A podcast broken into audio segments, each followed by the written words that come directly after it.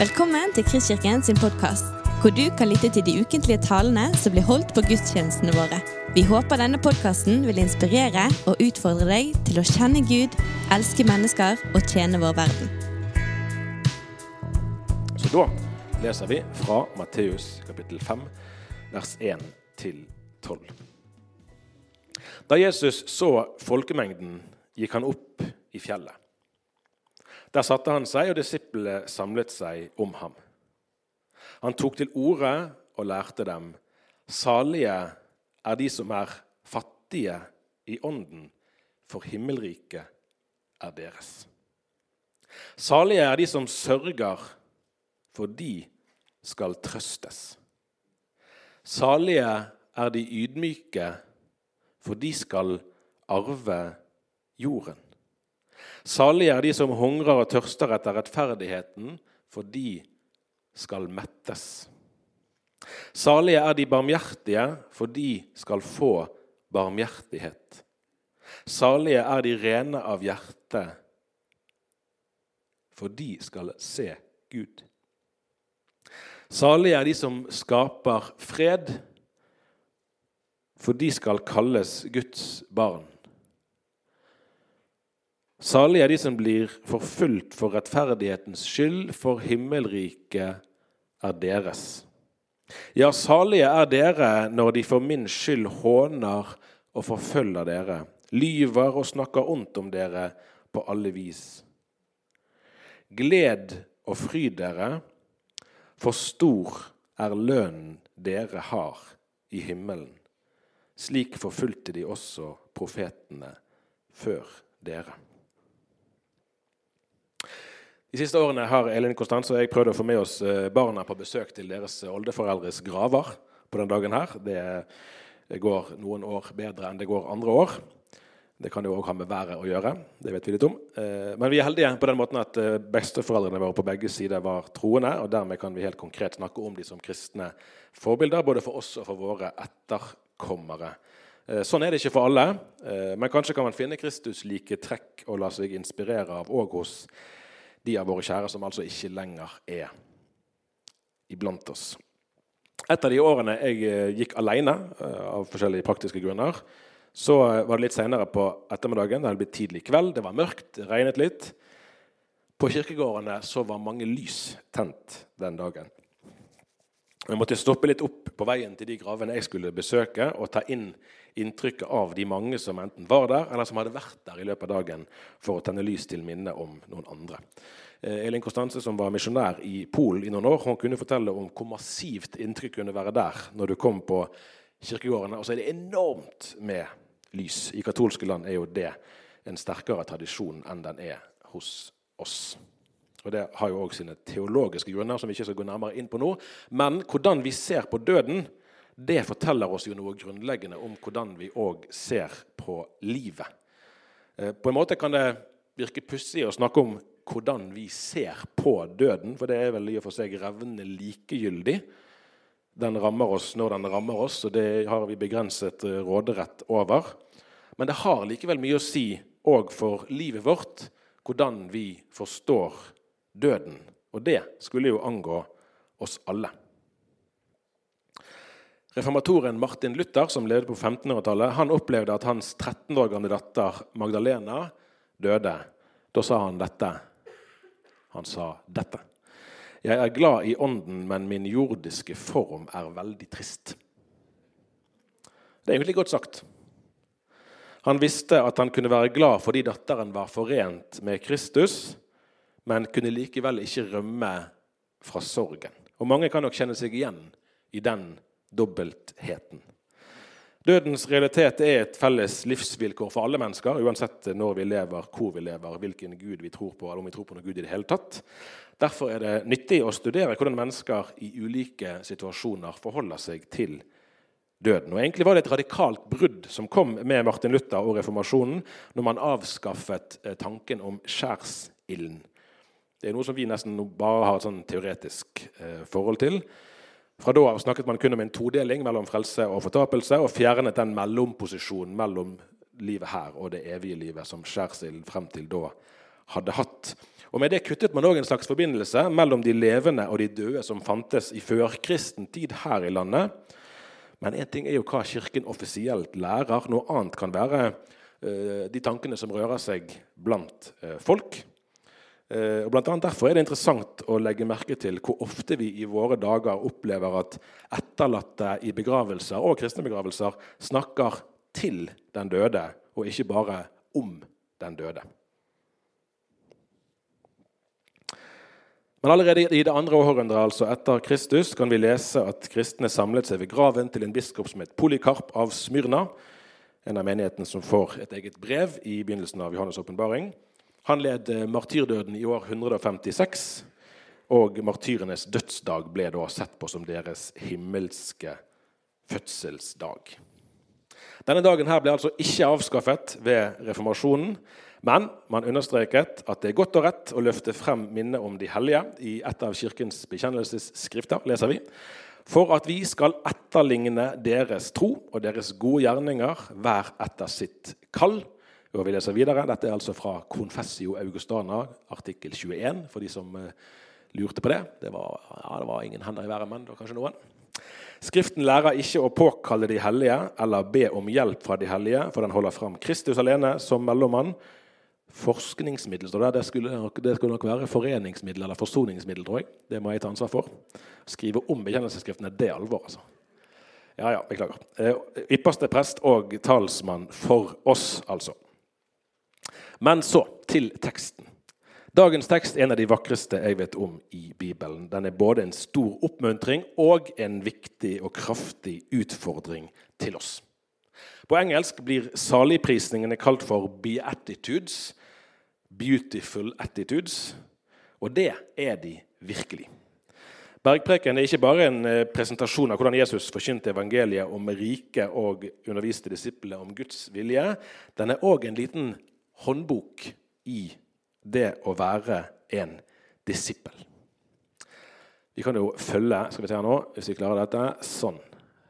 Salige er de fattige i ånden Fattig kan bety svak og hjelpeløs i sosial eller økonomisk eh, forstand, men òg hjelpeløs overfor Gud. Og Her er det sånn fattigdom Jesus refererer til. For overfor Gud kan vi ikke stille opp med våre egne gaver eller vår egen rikdom. Overfor Gud blir vi egentlig aldri mer enn tiggere som er avhengige av hans rikdom og hans hjelp. I en norsk oversettelse blir 'fattige i ånden' treffende oversatt til fattige i seg selv.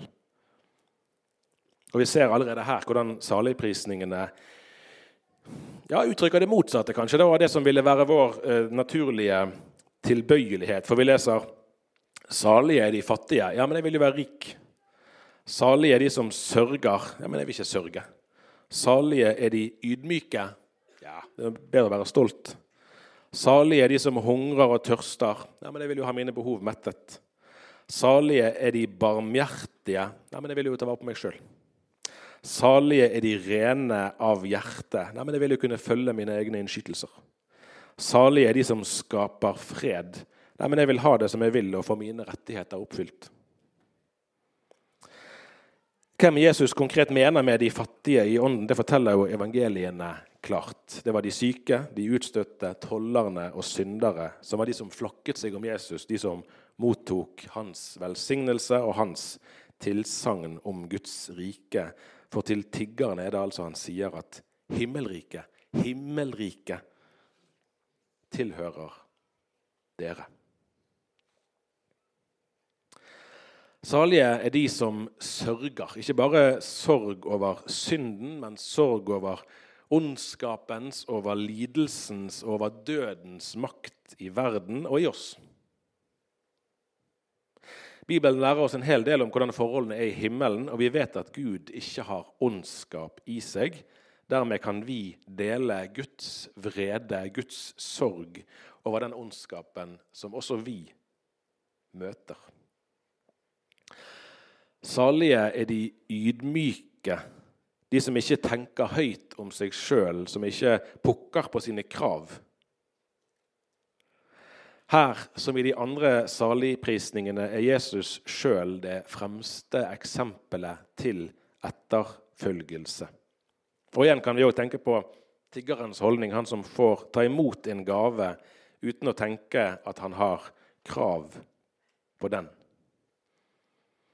En teolog som het Hans Kvalbein, skrev at det er typisk for det bibelske håp at det ikke bare handler om at vi skal komme til himmelen som en sånn åndelig sfære som er skilt fra det materielle og det kroppslige. Det bibelske håp det er at himmelen skal komme til oss på den nyskapte jord. Vi leser i åpenbaringen Se, Guds bolig er hos menneskene. Salige er de som hungrer og tørster. Rettferdigheten som vi leser om, beskriver den tilstand som Gud vil opprette. Og Det er verdt å huske på. De som hungrer og tørster etter rettferdigheten, er da enten de som sjøl lider urett og ser frem til at Gud vil gi de oppreisning. Det kan vi tenke på når vi skal noen av oss kanskje gå i fakkeltog for de forfulgte om ikke så lenge. Eller de som lider under den urett som begås mot andre. Vi har snakket om noen steder i verden tidligere i gudstjenesten. Rettferdighet og frelse hører sammen. Det er òg noe som er verdt å huske på. Det leser vi om både i Det gamle og Nye testamentet. Når Messias kommer, når frelsesløftene skal oppfylles, da skal all verdens urett avskaffes, og de forurettede skal igjen hjelpes til sin Bjørn Eidsvåg, som det er litt gøy synes jeg, å sitere, for det er en del ting han sier som jeg ikke ville sitert herfra. Men noen ganger kan vi sitere ting herfra med god samvittighet. I en av sangene hans så synger han at en dag skal rettferdigheten seire. En dag skal vi danse, skal vi feire at freden er vunnet og gleden er funnet. Det er jo riktig. I Jesu navn. Selve syndens inntog i verden innebærer en vedvarende konflikt med rettferdigheten. Og denne konflikten er det Gud har løst for evig og alltid i Jesus Kristus.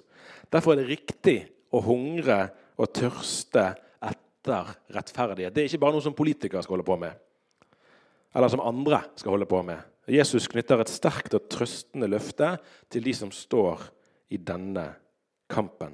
Og òg denne saligprisningen forteller oss altså om mennesker som mangler noe, ikke om mennesker som har gode egenskaper. Så De første fire saligprisningene er paradoksale på den måten at de er i en spenning mellom en negativ beskrivelse av frelsesmottakeren og den store gaven som blir gitt dem. Det er ikke gode gjerninger som belønnes, det er ikke liksom de fromme som får et diplom. Det er nød som blir lindret. Og Grunnlaget for det håpet er kun vissheten om at Gud griper inn, at Gud er god, at Herren er langmodig og rik på miskunn, som vi snakket om i sted, at Gud holder sine løfter. Guds rike er den store gaven som gis uten betaling. Salige er de barmhjertige. Er vi kommet et hakk forbi her? Ja, kanskje der. Ja, ok. Studiebibelen lærer oss at det hebraiske ordet for barmhjertighet ikke betegner en sånn sympatisk innstilling pga. et eller annet man har sett, men at det beskriver noe som kommer fra en, en, identifikasjon, en fullstendig identifikasjon med et annet menneske, der man ser og hører og føler som det mennesket. Denne gaven er veldig viktig, kanskje avgjørende, når det gjelder troverdigheten i den kristne kirkes vitnesbyrd i samfunnet. Du kan ha rett i mange ting. Hvis det formidles uten barmhjertighet, hva er det da? Følelsene må følges av ord, holdninger og handlinger, av viljen til å tilgi når andre har gjort urett, av gaver til de fattige. Se, nå blar jeg litt frem og tilbake. her, Det kan være litt forvirrende, men vi skulle nemlig hit. Være gode mot hverandre, og vis medfølelse og tilgi hverandre slik Gud har tilgitt dere i Kristus. Ha Gud som forbilde, dere som er Hans elskede barn, leser vi i slutten av Efeserne 4. Salige er de rene av hjerte. Dette er i kontrast og det er greit å huske på, i kontrast til en sånn eh, rituell eller kultisk eller overfladisk eh, renhet, der man har liksom vasket klærne sine, men egentlig eh, er det bare et, en kamuflasje. Her snakker vi dypest sett om å, om å se Gud i Hans rike, men òg om å ta et oppgjør med hykleriet som jo finnes i oss alle. For vi vet at eh, menneskets indre i seg sjøl er ondt og urent. og Derfor er òg hjertets renhet en Guds gave, dypest sett. Salige er de som skaper fred. Igjen, Denne teksten er jo helt ubehagelig aktuell, gitt situasjonen vi ser på TV og leser om rundt oss. Å skape fred er en oppgave både i det små, i de nære forhold, i familien, i klassen til barna, på arbeidsplassen, i nabolaget. Gud er fredens gud og vil fred blant menneskene. Evangeliet er først og fremst at Gud skaper forsoning og gir fred mellom seg sjøl og menneskene. Og Nettopp derfor er òg hans folk kalt til å bringe forsoning og forlik der uvennskap og fiendskap råder grunn. Det er jo noe av det viktigste vi kan lære av på allehelgensdag. Å være freds- og forsoningsagenter.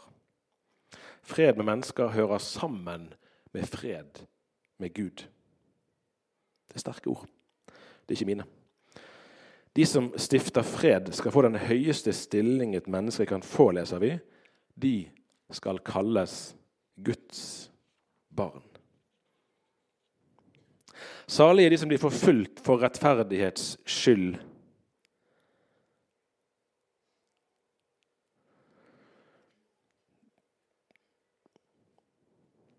De som eh, blir forfulgt, kan ha rett overfor sine forfølgere. De lider kanskje med urett. Det ser ut som eh, denne saligprisningen brukes i 1. Peters brev. Salige er dere om dere lider for rettferdighetens skyld. Eh, I evangeliene interessant nok leser vi jo ikke om forfølgelse mot disiplene i Jesu tid, men de kjente til profetene sin skjebne fra Det gamle testamentet. De visste hva som skjedde med Johannes døperen. Og Jesus var jo rede til å miste livet. Så denne saligprisningen minnet de allerede da, og den viser jo oss at disiplene måtte være rede til å dele mesteren sin skjebne. Så De fire første taleprisningene er rettet mot mennesker i mangel og nød. De fire neste taler om gode egenskaper, og der tanken er at Guds barn skal ligne sin far, og at disiplene skal ligne sin mester.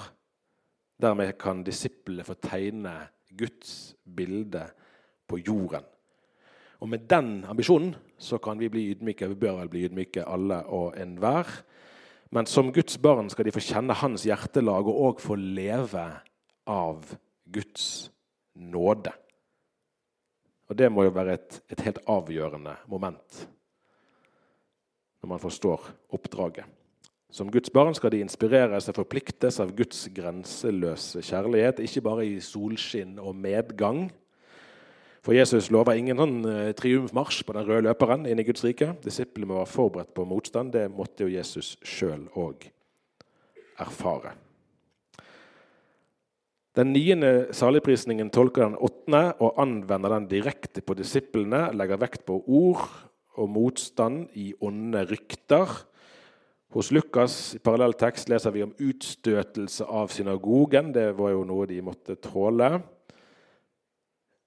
Og Det er viktig at forfølgelsen ser ut til å skje for Jesu skyld. Så det er altså det forpliktende forholdet til Jesus som ligger bak alle saligprisningene. Og så oppfordres disiplene til glede og fryd midt i motgangen. Og det høres jo aldeles naturstridig ut. Den nevnte Lukas-teksten oppfordrer til og med til hopp og dans.